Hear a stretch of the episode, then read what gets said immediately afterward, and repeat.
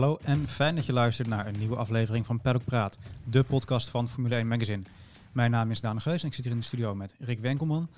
De meeste mensen natuurlijk wel bekend als uh, ja, de Formule 1-verslaggever tijdens de vrije training bij Ziggo Sport. Super Sub Pit Reporter de laatste, de laatste Ja. weken, mag je denk ik wel zeggen. Ja, ja, vroeger ook natuurlijk pit reporter geweest, maar Ja. dat is al lang, lang geleden. En nu was ik eh, de super sub. Doe ook nog wel wat dingen achter de schermen hoor, en in het Formule 1 café. Maar eh, ja, de trainingen is natuurlijk misschien wel het meest opvallende, zeg maar. En wie zondagavond eh, laat is opgebleven, of niet zo laat dit keer, hè, die heeft jou natuurlijk net Nee, een hoop kunnen- mensen denken altijd dat het heel laat is, maar op zich Ja. valt dat wel mee. Eh, ook omdat ze in Amerika ontdekt hebben dat ze beter qua kijkers op tv iets vroeger kunnen beginnen. Dat is dan voor ons ook gunstig natuurlijk. Meestal beginnen de NASCAR races nu rond eh, half negen, negen uur, half tien, zoiets. Dat is, dat is wel te doen. En de interesse in Nederland heeft ook wel redelijk toe voor de NASCAR, merkte jij laatst. toch? Ja, je merkt sowieso, denk ik, dat het, dat is ook natuurlijk wel ook een gevolg van het Verstappen-effect. Dat de autosport breed daarvan mee, mee eh, groeit. Maar als je nu ziet in Amerika met eh, al die Nederlanders die daar in GT-auto's rijden. Jeroen Blekemolenringer van der Zanden, Nick Katsburg. Eh Rinus Vieke in, eh, in IndyCar. En vanaf volgend jaar Loris Heesemans op het hoogste niveau in, eh, in NASCAR. Mhm. Die gaat dan eerst 10 tot 15 wedstrijden doen. Dan moet hij laten zien dat hij het kan. En dan mag hij het jaar erop mag hij er meer doen. Ze hebben geen superlicentie in NASCAR, zoals de Formule 1 dat kent. Dus je moet gewoon echt in de loop van de jaren laten je zien of je alle circuits aan kan. Dus ook die hele snelle, gevaarlijke. En dat gaat hij in de loop van de drie jaar gaat hij dat opbouwen. Volgend jaar al 10 tot 15 races. Met een Amerikaans team dat is overgenomen door een club Nederlanders. Mhm. Eh, ja, dan heb je daar dus ook weer Nederlanders rijden. Dus overal. Een noem maar vorm van autosport en je komt er Nederlanders tegen. ja, net als de expats, die kom je ze ook overal ja, tegen natuurlijk. ja, maar- ja, ja, misschien even daarmee te maken, zeg maar. Ja, en wie, denkt de naam Hezemans, hey, dat klinkt bekend, dat is inderdaad geen toeval, hè? Nee, Twan Heesemans, vader van de Loris. Dat is echt... eh, in, het, in het verleden was dat een van de Nederlanders als het gaat om het racen. Met name in sportscars en in GT's, tourwagens, dat soort series. Geen formuleauto's eh waar hij zijn grote successen had. Maar vooral met dat soort auto's. Maar noem een grote wedstrijd en die heeft hij gewonnen.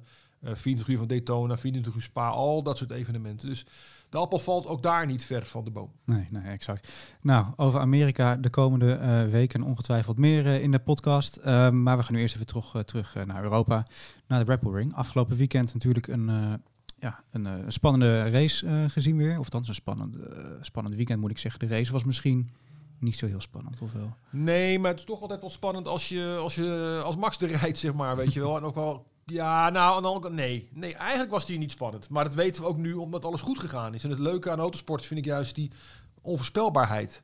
En het kan altijd nog een keer fout gaan met Max, weet je wel. En dat, dat hou je wel altijd in je achterhoofd en dat houdt het dan spannend. Maar als het dan niet fout gaat, zoals, eh, zoals eh, zondag, en dan kijk je terug en denk je, nee, hij was niet spannend. Maar er is altijd dat, dat gevoel in je achterhoofd, er gaat nog iets geks gebeuren. Het is ook hoe hij ze het liefst wint, hè? Saai. Ja, hij wint het liefst alles op een saaie manier. Nou, dat, dat heb ik dan weer liever niet. Maar oké, als dat moet gebeuren om hem wereldkampioen te maken, dan moeten we even doorbijten dit jaar. Ja, precies. Ehm, ja, niet in de studio, want voor ons in Oostenrijk is eh, Sjaak Willems, onze verslaggever. Hij zit nu in het vliegtuig terug, dus eh, niet live in de uitzending, maar we gaan even luisteren naar zijn blik op het afgelopen weekend. En natuurlijk eh, de zegen van Verstappen. Ja, Sjaak, jij was voor ons in, eh, in Oostenrijk en je hebt Max Verstappen eh, niet één, maar twee keer zien winnen natuurlijk eh, de afgelopen twee weken. Hoe was het na de afgelopen Grand Prix? Hoe stond Max erbij? Hebben jullie nog hem kunnen spreken? Wat was een beetje het gevoel binnen het, het Red Bull kamp? Nou, het was vooral de, de mate van dominantie waardoor... daar was Verstappen zelf ook nog wel door verrast. Hij, hij eindigde natuurlijk meer dan nou, s- eh, 17 seconden uit mijn hoofd. Eindigde hij voor Bottas met een extra pitstop ook nog. Dus dat was al een ja, ongekende dominantie. En dat is iets wat... Dat hebben we nog niet zo heel vaak gezien. Dat heeft Verstappen zelf ook nog niet zo heel vaak meegemaakt, volgens mij. In die zin vond ik de race van, van, eh, van vandaag ook een soort van een klein examen, een tussentoets, noem het eh, wat je wil. Eh, hè, het was duidelijk, Red Bull had het beste materiaal. Verstappen is hier het snelst, maar kon hij dat dan ook nog even 70 rondjes achter elkaar volhouden daar? Volgens mij heeft hij geen eh, voet verkeerd gezet en was het van begin tot eind eh, foutloos. En ja, dus weer een overwinning. Ja, het, was een soort, eh, je kent de film Groundhog Day vast wel. Zaterdag en zondag was er gewoon echt een herhaling van vorige week bijna. En ja, nu, nu dus die 32, 32 punten voorsprong. Mohamed Marco was ontzettend tevreden. Hij stipte nog maar weer even aan. Het, hè, de, de, het is nu zo anders dan voorgaande jaren. Red Bull is gelijk qua vermogen. En het komt nu ook op het chassis aan, op de coureur. En wij hebben de beste coureur met Max Verstappen in huis. Hij is op dit moment het allersnelst. En uh, ja, Mercedes heeft op dit moment gewoon heel weinig daartegen in te brengen. Hè. Marco zei dat ook wel treffend. Ze hebben geen magische knop meer om op te drukken om wat extra vermogen te creëren, zoals uh, in het verleden wel eens het geval was. En ja, dat is een beetje de stemming uh, aan, aan de zijde van Red Bull. Perlpraat. Ja, Rick, Sjaak vergeleek uh, de tweede race in Oostenrijk een beetje met Groundhog Day. Uh, ik weet niet of ik neem aan dat je die film al eens hebt gezien. Ja, ja, ja. ja, ja. Uh, herhaling van Z. Hoe zag jij wat dat betreft het afgelopen weekend? Het, het, had inderdaad wel iets weg van een, ja, hoe, hoe noem je dat, een copy-paste in ja, computertermen. Copy-paste. Ja, ja, nou het zegt misschien dat Hamilton het nog wel wat zwaarder had dan, dan vorige week. Ehm, ja, dat, ja, daar valt er wat voor te zeggen. Die twee races waren een redelijke kopie. Als je nou iemand vraagt over een paar maanden, dan verschil, wat was het verschil tussen die twee wedstrijden? Dan moet je wel heel goed nadenken inderdaad. Ja. Ja, Jacques had het ook vooral over de, de uitvoering, de execution van Verstappen. Dat het zo, zo, zo foutloos is. Eigenlijk al weekenden op rij nu natuurlijk. Zien wij de, de beste Verstappen ooit? Um, je zou zeggen van wel, hè? Ja. Want hij heeft altijd wel foutjes gehad en, en dingetjes en zo. Nee, waarschijnlijk is dit toch het jaar dat alles samenkomt. Max op de toppen van zijn kunnen. Uh, hij was al natuurlijk echt goed, maar nu is hij, ja... Ik denk als je nu ook Hamilton en Max in een gelijkwaardige auto zet... Uh, dat ik vorig jaar nog had gedacht, nou, dan is Hamilton toch nog wel wat beter dan Max. Maar nu denk ik dat niet meer. Wat, wat, wat zijn de wapens die Hamilton dan misschien vorig jaar had, waarvan je dacht, dat heeft hij voor op Verstappen, die die, die nu niet meer... Uh, nou ja, misschien dan toch wel een stukje ervaring. Mm -hmm. Uh, dat Max toch weer een jaar verder is. Hamilton gaat al zo lang mee, heeft alles al tien keer meegemaakt. Max had alles drie keer meegemaakt, zeg maar. Weet je wel, dat zou een uh, verschil kunnen zijn. En misschien ook wel een soort state of mind of zo. Um, kalmte. Ook, ja, kalmte uh, naast de auto dan, weet je wel. Mhm. Mm -hmm. dat dat ook wel een soort van rust geeft, waardoor je in de auto beter presteert. Ja, alles valt momenteel dit jaar op zijn plek. En je kan ook rustiger worden natuurlijk in je hoofd als je weet dat je de beste spullen hebt. En dat je niet iedere race, omdat je bijvoorbeeld een, mo een motor hebt die minder goed is, 110% moet geven, maar ook gewoon een keer op 99% kunt rijden.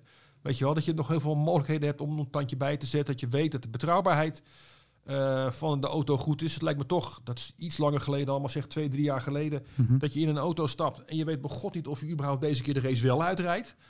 Dat geeft geen rust natuurlijk. Een beetje die periode 2017, 2018, toen je soms ook zag in zijn rijden, hè, van er zit een, ik wil niet geforceerd zeggen, maar er zat een beetje een, een randje aan soms. Een beetje boosheid. Ja, een beetje boosheid. Van, uh, ik ben ja. zo goed in vorm en uh, rotsport, want de techniek laat me in de steek. Ja. Dat zou je hem nu niet horen zeggen. Kan nog steeds gebeuren natuurlijk, hè. Dat, dat blijft. Dat is weer het onvoorspelbare. Ja, dat haalde ook Toto Wolff aan. Hè? Van ja, het lijken grote gaten, maar één keer uitvallen en uh, de verschillen zijn weer een stuk kleiner natuurlijk. Tuurlijk. En dat, laten we hopen dat dat zo blijft. Dat we wel gewoon een beetje een spannend seizoen hebben. Dat Ja. is ook wel weer leuk natuurlijk, hè. Ik was benieuwd. Jij hebt natuurlijk een, afgelopen maanden een paar keer tegenover Verstappen gestaan uh, na de races, na de kwalificaties. Hij lijkt gewoon ook heel goed in zijn vel uh, te steken. Nou ja, precies. Ik, wat ik zeg, dat is toch die rust. En uh, ja, ik denk toch dat, het, dat, dat het, nu het besef bij hem is dat het, zoals het nu is dit jaar, dat is wat hij wil. Dat Mhm. alles, alles klopt. Weet je wel, zal ongetwijfeld achter de schermen nog wat zijn uh, fijn geslepen bij de, bij de Red Bull Racing organisatie. En hij weet dat de toekomst goed zit met de hele uh, motorenproblematiek. Dat is geen problematiek meer. Het wordt gewoon op een hele aparte, dure, bijzondere manier opgepakt door, uh, door Red Bull. Dat is ook goed. Hij weet dan waarschijnlijk ook van dat hij, dat zal hij niet dagelijks door zijn hoofd laten gaan, maar hij denkt van nou, ik heb het toch goed aan gedaan om bij Red Bull te blijven bijvoorbeeld, om Mhm. daar mijn vertrouwen uh, te zetten. Ik voel me lekker, voel me happy. Zeker nu alles goed gaat met het materiaal. Dat valt allemaal samen. Het is grappig dat je zegt dit jaar en achter de schermen, want het zijn precies de vragen die ik in het draaiboekje heb staan namelijk. Oh, oké. Okay. Achter, achter de schermen namelijk ja, ja. concentreert Red Bull zich meer op dit jaar dan Mercedes. Dat doet Mercedes heeft gezegd, ja de focus ligt toch wel heel erg op 2022. Red Bull blijft met doorontwikkelingen komen. Hè. Ik geloof afgelopen weekend hadden ze weer een, uh, een buslading vol met, uh, met nieuwe onderdelen uit, ja, ja. uit Milton Keynes laten komen, komen aanrijden. Of, ja. misschien een busje gehuurd op het vliegveld, dat weet ik niet. Maar in ieder geval, het, ja, de, de, focus ligt nog heel erg op 21 daar bij Red Bull. Is dat verstandig? Of? Uh, ja, dat is verstandig omdat dit gewoon voor het eerst sinds lang weer een jaar is dat je echt in staat bent om te vechten om het WK. Uh, niet voor niets ook nu naar een goede voorsprong hebt in het WK. Beide WK's, coureurs en constructeurs. Maar ik vind het een beetje makkelijk van, uh, van Mercedes. Want bij Red Bull werken ze ook al aan 2022 en de jaren daarna. En zeker ook al aan wat er met de motoren moet gaan gebeuren vanaf 2025 of 2026, wanneer die reglementen worden aangepast. Beetje, vind ik een beetje goedkoop. Ook dat je ze ook een beetje hoort mopperen van ja, we zitten dan met die, met die kost, eh, Mhm. met die budget cap en Ja. eh, dat soort dingen, weet je wel.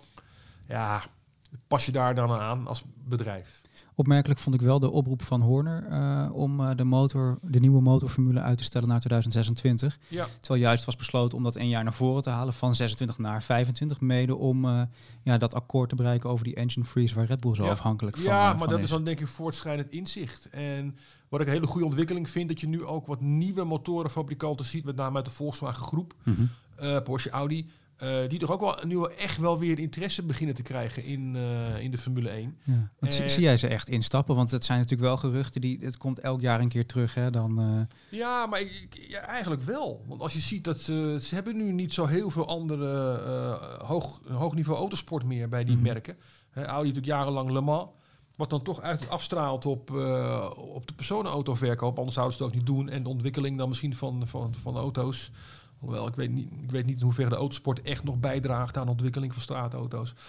Ehm, ik, ik, ik, denk dat dat nu wel een mogelijkheid is. Juist met dat, met dat vergroenen. En dan, kijk, als je wat langer moet nadenken om eh, de Formule 1 motoren duurzamer te maken. Ja, pak dat jaar extra dan. Maak er dan 2026 van. Omdat je dan bijvoorbeeld wellicht kan inschatten. De ontwikkeling van synthetische brandstoffen eh, is dan net even wat verder.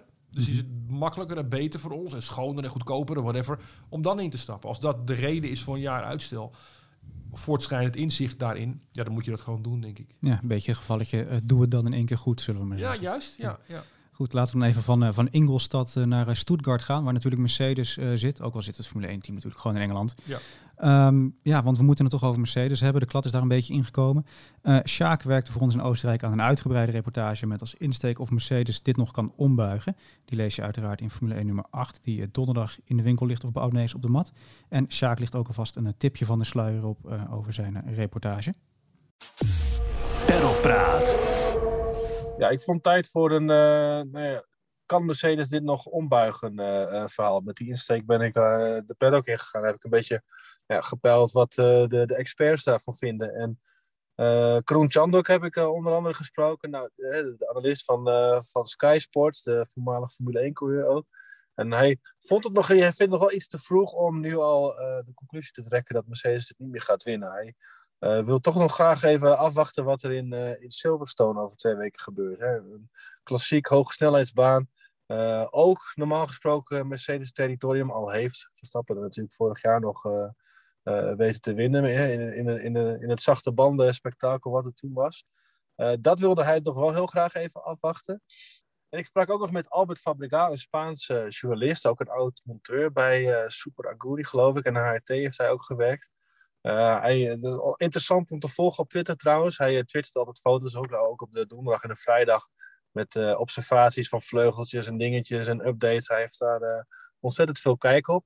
En nee, ik vroeg hem dus van, hè, hoe is de stemming in, in, in, de Mercedes garage? Hij heeft eerder in, een gesprek met ons gezegd, je moet naar de lichaamstaal kijken van uh, monteurs. En hij vindt zelf dat er, dat er is frustratie binnen het team. En zij, ze zijn constant aan het tweaken en aan het veranderen aan de zetten tot aan nou ja, minuten voor kwalificatiesessies of zelfs ook de race uh, aan toe. Ze zijn uh, constant aan het zoeken. En dat is het grootste verschil, vindt hij, met, met Red Bull. Die eigenlijk, een baseline noemt hij dat dan. Dat is zeg maar het, nou het startpunt van het weekend.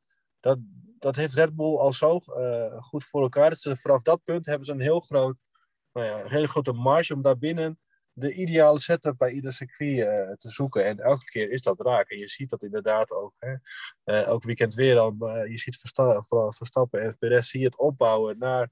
het, het, eerste kookpunt is dan Q3, waar het dan steeds vaker lukt. En in de race net zo. En dat is wat hem betreft het grootste verschil met, ja, tussen Red Bull en Mercedes op dit moment. Perlpraat.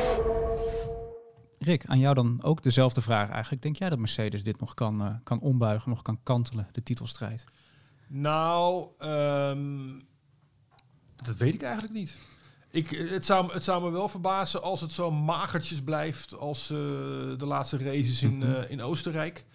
dat is ook iets wat Mercedes vaak aanhaalt. Hè? Van, Red Bull Ring is historisch gezien ook gewoon geen goede baan voor ons. Ja. En vroeger hadden we de voorsprong, die was zo groot, dan wonnen we er nog wel. En dat is nu natuurlijk weg. Ja, of juist omdat Red Bull dan daar in de problemen kwam. Of de andere concurrenten van Mercedes. Weet je wel, we hebben met Max ook gehad. Motorische problemen op de Red Bull ring. Ja, Mercedes rijdt dan gewoon door en, en wint die race.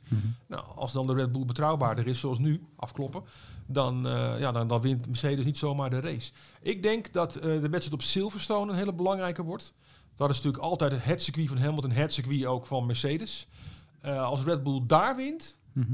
ja, dan, dan, dan, dan is het gedaan. Dan durf ik wel te zeggen, nou, dat, niet dat het gedaan is, laten we dat ook weer niet zeggen, maar je snapt wat ik bedoel. Dat is echt zo'n circuit waar, daar, waar, waar Oostenrijk, zeg maar, en Hongarije en dat soort banen, een beetje eh, Red Bull georiënteerd zijn. Eh, dat Silverstone, dat is... Conventioneel. Ja, ja, ja, ja, ja. Dus dat vind ik een hele belangrijke Grand Prix. En als Red Bull daar Mercedes weet te verslaan, ja, dan hebben ze bij Mercedes echt een probleem. Wat mij ook Maar die op- gaan ook heus niets opgeven. Dat, nee. Nee, want ze hebben natuurlijk wat dingen gezegd hè, van de laatste updates zitten er al op. En toen was het weer de laatste updates komen in Engeland. Ook dat is misschien voortschrijdend inzicht toch met die titel op het Ja. spel. Hè? Het aardige is dat ehm, al die uitspraken die Toto Wolff dan doet in de media, en die worden vaak weer eh, gecorrigeerd door James Allison, de technical director. Mhm. Ehm, niemand bij Red Bull lijkt erop te reageren. Het is net een beetje alsof ze Mercedes een beetje dan de publieke opinie wil beïnvloeden. Of, of daar, wat, ik weet niet, daar, daarmee iets willen bereiken door dat soort uitspraken te doen. Maar het is allemaal net niet dit jaar. Ja. En ze vinden het moeilijk om in plaats van eh, degene te zijn waarop gejaagd wordt, om nu zelf te jagen. En misschien is dat wel een soort van.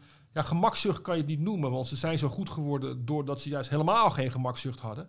Maar dat ze nu niet meer precies kunnen schakelen, dat ze de onderliggende partij zijn nu. Weet je wel, en dat zij nu misschien moeten kijken naar, maar wat heeft Red Bull dan, wat heeft Honda dan, wat wij niet hebben. Terwijl de voorgaande jaren was het andersom. Ja. En die rol is misschien wel heel moeilijk voor ze. Het interessante daarin vind ik ook, aan de ene kant speelt dat dan op het hogere niveau. En dan op race, bij race niveau zie je eigenlijk dat de Mercedes, dat weten, is een auto die is ontworpen op, op de meerderheid van de circuits. Dus er zijn altijd banen waarop ze niet zo goed zijn. En dan hè, over, op die andere acht van de tien wel. Ja. Maar je ziet toch ook in de races, en we zagen dat zondag met Hamilton achter Norris natuurlijk, dat het heel moeilijk is om in te halen met die auto. Die is toch ook niet ontworpen om, om terug in het veld te rijden. Dat is echt een auto die is bedoeld om, om vanaf kop te vertrekken en eh, de groeten. Ja, nou misschien is hun ontwerpfilosofie wel geweest. Wij maken een auto die zo snel is in de kwalificatie.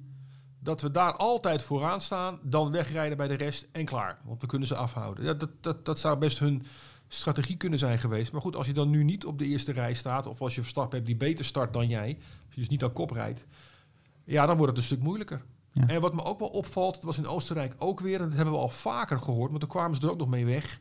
Vaak, ook niet altijd trouwens. Er hoeft maar iets aan die auto niet te kloppen. Klein stukje bodywork, stukje vloer, vleugeltje. En gelijk stort alles in. Dat horen we nu Hamilton ook weer eh, roepen. Klein beetje schade. Het zou dan 17 seconden per rondje hebben gekost, zei Mercedes. Nou, laat het 1 tiende per rondje Mhm. zijn. Dan is het wel opvallend dat het gelijk misgaat. Als iets in dat perfecte plaatje niet perfect is, dan hebben ze het een stuk lastiger. Dan kan je afvragen hoe ver ze kunnen improviseren. En dat is dan misschien wel minder dan je zou denken. En dat daarom ook juist niet kunnen improviseren. Het moeilijk is voor ze om nu te gaan jagen in plaats van opgejaagd worden. Ja, ja, ik vroeg het aan onze techniek-expert Rob van der Heijkant, want het ging over 30 punten downforce. Hij zei, ja. Ja. dat is op een normaal circuit ongeveer een seconde per ronde. Red Bull Ring is natuurlijk wat korter en wat sneller, dus het zal inderdaad iets minder zijn, maar wel een significante marge inderdaad. Maar Hamilton, eh, ja, ook met die nieuwe banden later nog naar die wissel, hij kon het niet, eh, niet echt terugbrengen naar, eh, Nee. naar zich. Nee. Nee, nee. En laten we niet vergeten, Hamilton is een geweldige coureur. Hè? En Bottas is dat natuurlijk ook. Mhm. Daar ligt het echt niet aan. Ja, en van Hamilton mogen natuurlijk nog twee jaar langer genieten. Hij heeft bijgetekend bij Mercedes. Een stuk vroeger dan, dan vorige keer. Toen duurde het geloof ik tot afgelopen Ja. februari voordat hij eruit was. Ja. Verrassend dat hij nu al tekent. Nee, vind ik niet. Hij zei zelf ook van ja, de reden dat ik nu zo snel teken is dat de vorige contractverlenging zo laat kwam. We hebben hem maar twee, drie maanden geleden voor het laatst gezeten en toen waren we eruit. Dus ja, daar is niks veranderd, dus konden we nu snel eh, het contract verlengen. Nee, nee, nee. En zeker ook niet als je hem dan een paar keer inderdaad even eh, één op één hebt kunnen spreken. Mhm. Een aantal van die, van die vier die ik Jack eh, verving. Dan ehm, straalt hij niet uit dat hij het niet meer leuk vindt. Of, of whatever. Hij, eh, wat je wel merkt, dat hij in het begin van het jaar zegt... Ah, ik geniet van de strijd met Max. Dat Mhm. wil ik, dat wil ik. Dat hoor je hem nu wat minder vaak zeggen. Omdat hij nu beseft dat die strijd met Max wel heel erg aan het kantelen is in zijn nadeel.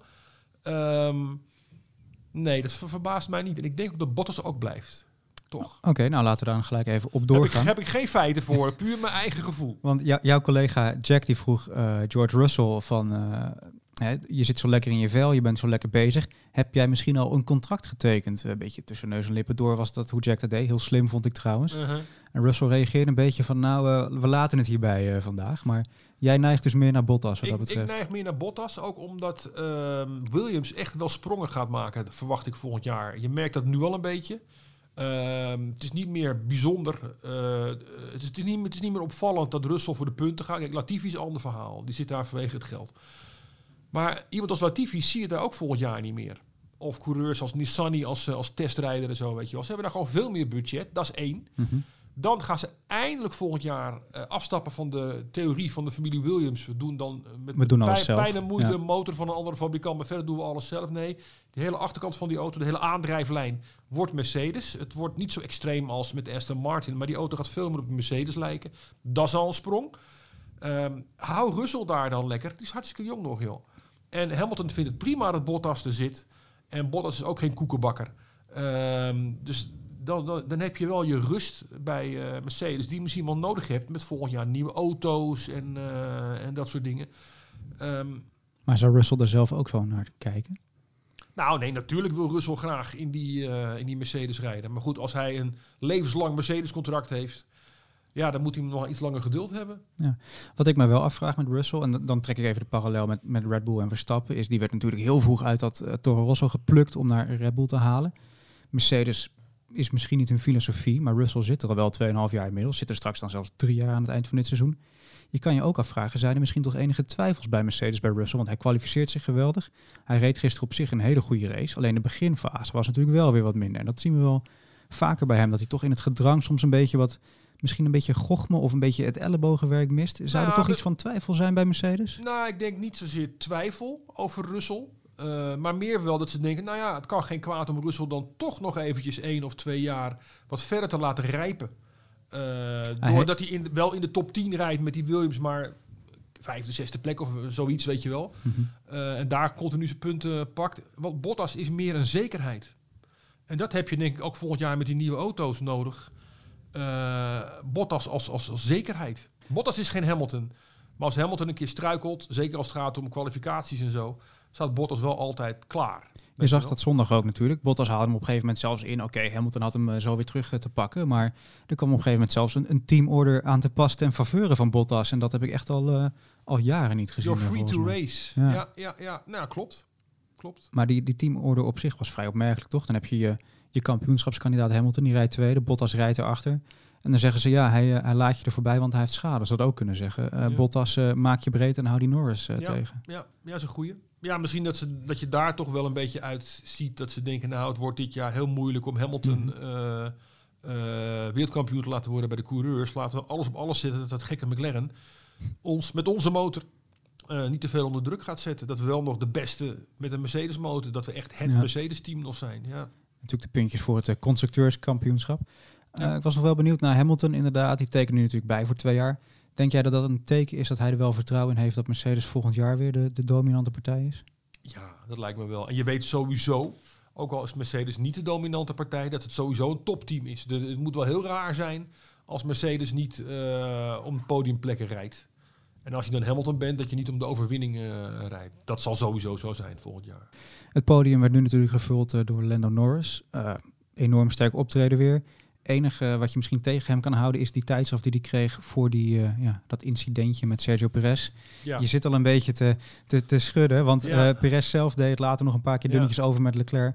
Ik was benieuwd, hoe kijk jij nou naar die straffen waar je ziet dat een coureur eigenlijk de, zijn collega aan de buitenkant gewoon niet de ruimte geeft en een beetje naar buiten dwingt zonder hem echt te duwen. Ja, ik zit daar een beetje dubbel in. Want die straffen zoals die zijn uitgedeeld eh, zondag aan Perez twee keer. Met name in bocht nummer vier, waar je ook op doelt. Hè, maar Mhm. met Norris iets omgekeerd. Het is ook een bocht die een beetje naar, naar binnen knijpt natuurlijk. knijpt. Ja. Maar het is wel, de, de straffen is gewoon gelijk één op één aan wat er ook in de FIA-reglementen staat. Daar Mhm. staat als je eh, als een auto echt gewoon pal naast je zit aan de buitenkant, mag je hem niet naar buiten dwingen.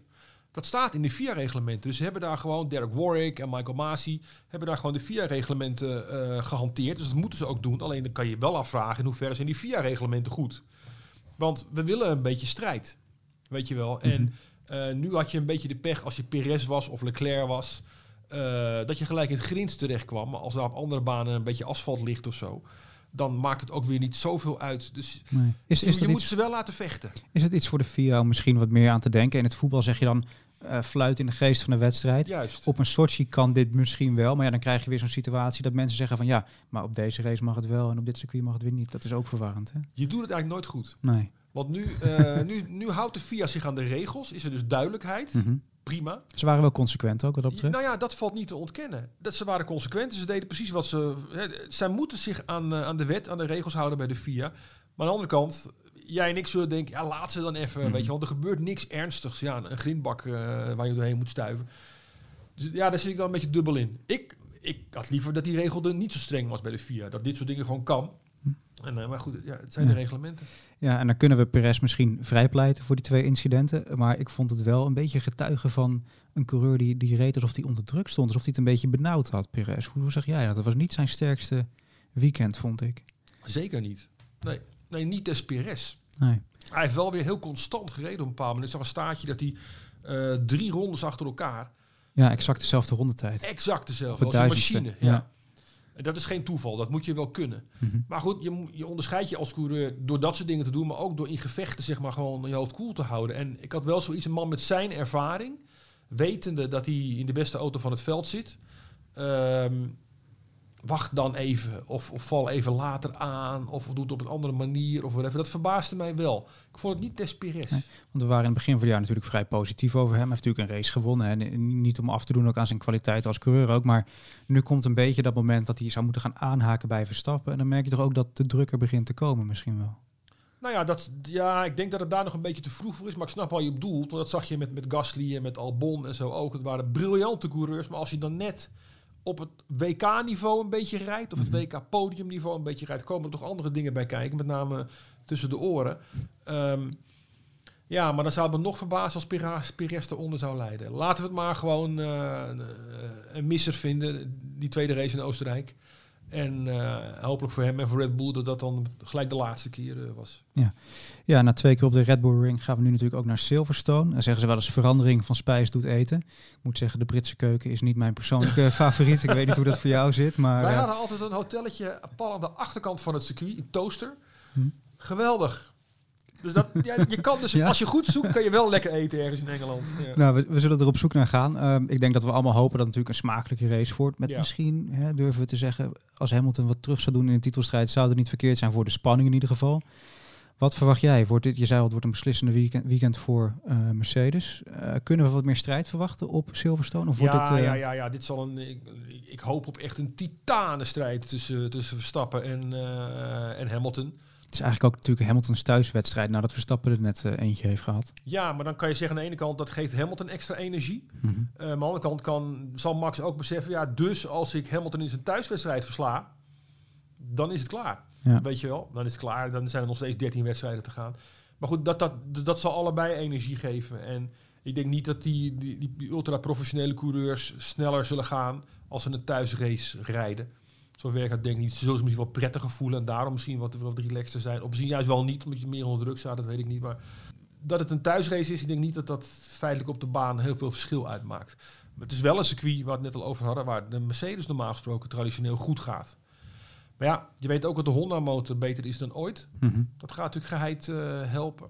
Veel van die bochten op Silverstone zijn natuurlijk haast een soort rechte stukken geworden hè, met de huidige auto's. Dus dat zou ook dan wel weer voor Red Bull en Honda eh, pleiten. Ja, want als je kijkt naar de, naar de Red Bull Ring, tien bochten, maar eigenlijk zijn het er zes of zeven. Want Mhm. bocht, wat is het? eh, vijf, zeven.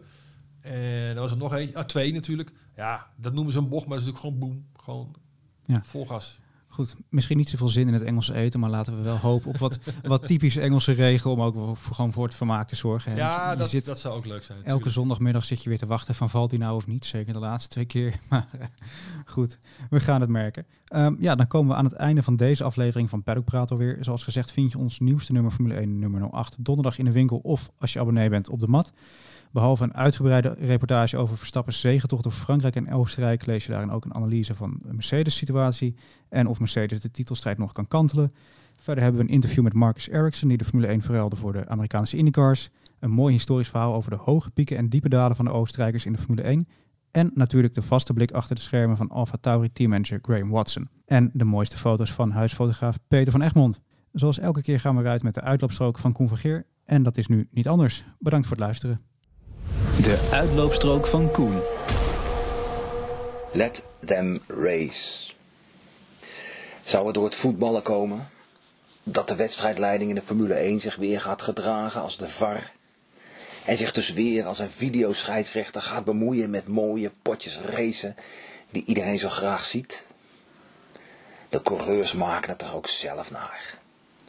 Zoals een wereldspits in het penaltygebied professioneel gillend naar het gras gaat, zo schuiven de beste coureurs ter wereld als kleuters jengelend over de boordradio door het grind.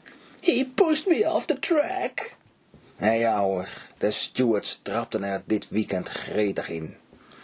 Met als gevolg dat het weer eens tijdstraffen regende. Flutstrafjes van vijf seconden, ook dat nog. Jammer. Precies twee jaar geleden namen de stewards ook op de Red Bull Ring een wijs besluit. Het duel tussen Max Verstappen en Charles Leclerc in bocht 3, weten jullie nog? Het was in de slotfase, het ging om de zegen. Dat duel werd hard, maar fair genoemd. Na een beraad van drie uur werd besloten om geen straf uit te delen. Iedereen juichte, de Formule 1 had gewonnen. En sindsdien hebben we de meest prachtige duels gezien. Denk maar aan het gevecht tussen Leclerc en Max op Silverstone in 2019. Het duwen en trekken tussen Leclerc en Lewis op Monza. Tot aan het spierballenvertoon tussen Max en Lewis dit jaar in de Tamburello-chicane. Zo hoort Formule 1. Aanvallen graag. Als het lukt ben je de held en word je driver of the day. Maar wanneer je het buitenom probeert, accepteer dan ook dat op een gegeven moment het asfalt op is. En dan kun je kiezen. Je gaat van je gas af of je gaat door het grind. Simpel. En ga dan niet zitten zaniken over de boordradio in de hoop dat de videoscheidsrechter ingrijpt. Formule 1 is geen voetbal. Zou het echt toch al dat gaan voetbal komen? Ik weet het niet. Maar ik zie wel een cultuurverschuiving. De wedstrijdleiding begint zichzelf te belangrijk te vinden. Die meneer Mazie is ook veel te veel in beeld in de media. Iemand, Ros Perron bijvoorbeeld, moet hem eventjes terugfluiten. De wedstrijdleiding moet zich dienstbaar opstellen, onzichtbaar. En niet de show willen stelen met de baas spelen, het beter weten en belangrijk zijn. Let them race. Perlpraat.